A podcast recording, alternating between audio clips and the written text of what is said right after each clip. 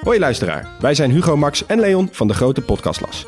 Wij zijn drie geografen en elke week behandelen wij een ander land. We bespreken onder andere de geschiedenis, politiek, natuur, maar ook de sport, de muziek en natuurlijk het eten.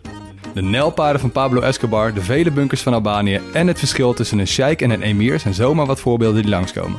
Maar we bespreken ook de geopolitieke invloed van China in Afrika en de impact van het Europese kolonialisme. Luister dus wekelijks naar de audioversie van de Atlas, de Grote Podcastlas.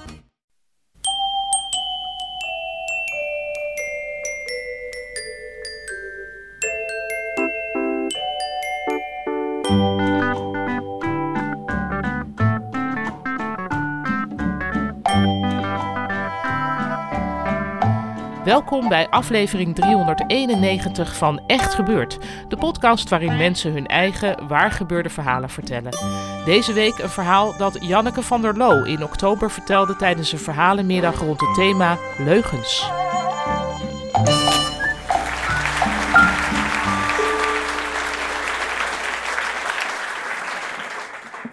Uh, tijdens de lockdown uh, besloot ik om het uh, hardlopen weer eens op te pakken. En ik had daar al ooit een app voor gedownload, de app van Evi. Dat is een Vlaamse dame en die praat je dan door een heel trainingsschema heen. ze vertelt dan precies wanneer je moet gaan rennen en dan mag je weer even lopen en dan mag je weer rennen. En als het dan goed is, heb je na een aantal weken het zo ver opgebouwd dat je vijf kilometer aan één stuk kan rennen. Nou, daar had ik mijn zinnen op gezet. En ik dacht, ik ren naar de Oosterplas. Ik kom uit een bos in de Oosterplas, een heel mooi groot meer met uh, bomen eromheen. En dan kun je fatsoenlijke ronde rennen, maar om daar te komen moet je wel door een woonwijk heen. Nou ja, ik had Evie aan mijn arm, grote telefoon aan mijn zijkant, oortjes in. En ik begon te rennen en Evie moedigde me aan. En Evie vertelt dan ook hoeveel calorieën dat je al verbrand hebt en hoeveel rijstwafels je daarvoor mag eten. Super relevant. Dus uh, ik was aan het rennen en uh, door die woonwijk uh, kom je ook langs een uh, kleiner meertje. Dat heet het IJzeren Kind en dat is een afgraving. En het is ook niet mooier dan zoals het klinkt, een afgraving. Dus het is zeg maar een vijver met allemaal flats eromheen en een woonwagenkamp.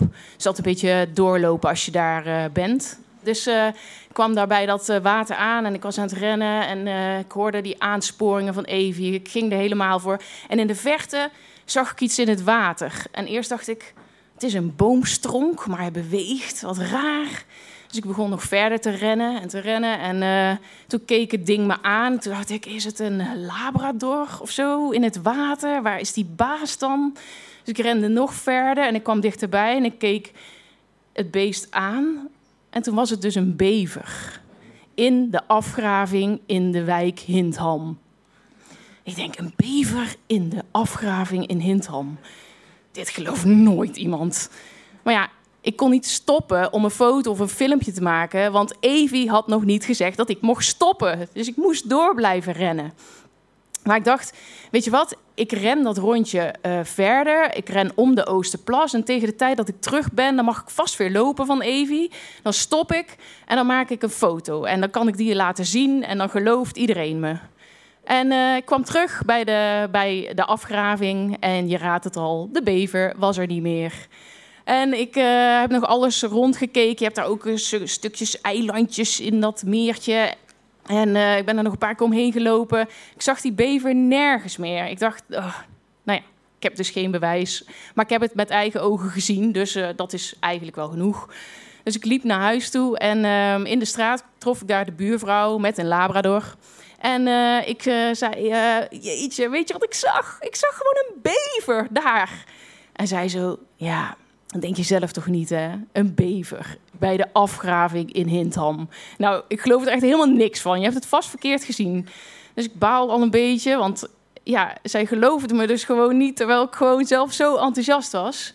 Nou ja, toen ging ik naar huis toe verder en ik kwam binnen en mijn kinderen zaten aan tafel. En uh, ik denk, nou ja, mijn kinderen, die geloven me vast. Ik zei, jongens, weet je wat ik heb gezien? Een bever! De eerste reactie was al, een bever? Wat is een bever? Ja, een bever, zo'n heel groot beest uh, die je normaal niet ziet. Ja, ja, nou ja, dat geloven ze dan toch niet. Maar ja, bij hun snap ik het ook wel weer, want ik haal wel schijntjes met ze uit. Zo heb ik ze een keer verteld dat er eh, bij een bromvlieg een aan- en uitknop op de bromvlieg zit. Uh, dus toen zijn ze een half uur bezig geweest achter die bromvlieg aan en proberen die bromvlieg aan en uit te zetten. En, maar ja, dat lukte dus niet. Dus uiteindelijk ik een half uur toen verteld van, nou weet je, was niet helemaal waar. Dus ik snap dat zij mij niet geloven. Maar uh, toen vertelde ik het aan mijn man. Ja, die geloofde me dus ook niet. Die zei, ja, bij de afgraving in Hintram. We hebben ooit een dag door de wildernis in Zweden gezocht naar bevers die daar zouden zitten aan het einde van de rivier. En die hebben we nooit gevonden. Hoe kan het nou dat er hier in de wijk een bever zit? Ja, nou ja, ik werd dus echt door niemand geloofd. Dat was net wat ik een leugen aan het vertellen was. Terwijl, waarom zou ik gaan liegen over het zien van een bever? Maar goed, ik uh, legde me er al een beetje bij neer. Ik ben nog een paar keer teruggegaan, heb nog rondgekeken. Ik zag hem nergens. Ik heb zelfs nog het Brabants Dagblad gebeld om te vragen of zij al ooit eens een bever hadden gezien. En de journalist is er zelfs op afgegaan met zijn fotocamera. Heeft mij nog geappt om te vragen waar ik het beest had gezien. Maar ja, ik zag hem zelf ook niet meer, dus dat ging allemaal uh, over. Tot ik na een maand of wat een berichtje kreeg van die buurvrouw die ik tegenkwam. En die zei: hey, in de buurt-app gaat een filmpje viral. Moet je echt eens even kijken.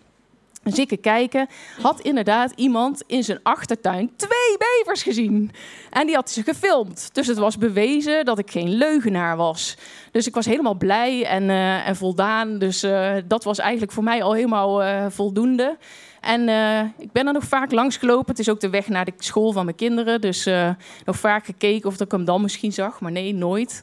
En uh, een paar maanden later ging ik weer eens terug naar, uh, naar die afgraving. Ik denk, ja, weet je, uh, het is wel een lelijk ding, maar in de herfst is bijna alles mooi. En er staan mooie bomen omheen met blaadjes die dan mooi kleuren in het water. Er zitten meerkoetjes. Ik denk, weet je, ik hou van fotograferen, ik ga daar eens wat foto's maken. Dus ik liep naar de waterkant en uh, stond daar te fotograferen. Had al een fut en een vrolijk meerkoetje. En uh, op een gegeven moment kwam er een dame naar mij toe. En die was in een kleurig gewaad, liep ze naar mij toe. En ze vroeg aan mij, ben jij uh, de bever aan het uh, zoeken? Ik zei, nee, nee, nee. die heb ik alles ooit gezien, daarna nooit meer. Maar ik weet dat die bestaat. Het bewijs is er. Ze zei, nou sterker nog, ik heb er filmpjes van op mijn telefoon. Wil je ze zien? Ik zei, nou ja, dan heb je meer geluk gehad dan ik. Laat maar zien, ik ben heel benieuwd. Dus ze liet mij haar telefoon zien en inderdaad zat filmpje na filmpje. En een bever hier en een bever daar. Nou, het was echt net of die bevers daar uh, voor haar uh, een showtje aan het weggeven waren. Dus ik was, ik was oprecht onder de indruk. Ik zei, nou, super, geweldig. En uh, toen zei ze, heb je hier ook wel eens de ufo's gezien? toen zei ik, de ufo's? Nee, nee, die heb ik nog nooit gezien. Toen zei ze, nou, ik heb er filmpjes van. Wil je ze zien? Ik zei, nou ja, oké, laat maar zien. Dus ze pakte haar telefoon weer en ze liet mij allemaal lichtjes zien die door de lucht heen flitsten. En het was donker en ik wist eigenlijk niet precies waar ik naar keek. Maar het was inderdaad unidentified flying objects. Het was helemaal waar, maar toch, ja, ik... Uh, dacht, nu wordt het tijd om afscheid te nemen. Dus toen uh, zei ik, nou, hartstikke, hartstikke mooi. Uh, misschien dat ik ze ook nog wel eens zie. Tot de volgende keer. En ik liep weg en ik dacht, mens, ufo's bij de afgraving in Hindham. Dat geloof je toch niet? Dankjewel. Je hoorde een verhaal van Janneke van der Loo. Janneke is freelance tekstschrijfster. Columns van haar zijn te lezen op haar website boomroosvisvuur.nl. Echt Gebeurd is een maandelijkse verhalenmiddag in Comedy Club Toemler onder het Hilton Hotel in Amsterdam. Onze volgende editie is op zondag 19 februari en het thema is dan het huwelijk. Komende maandag, 13 januari, gaat de kaartverkoop voor die middag van start. Voor een link daar naartoe kun je kijken op onze website echtgebeurd.net.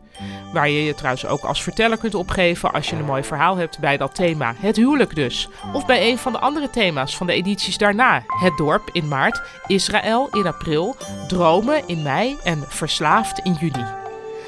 Onze redactie bestaat uit Micha Wertheim, Tom van Rooyen, Renette Kwakkenbos en mijzelf, Paulien Cornelissen.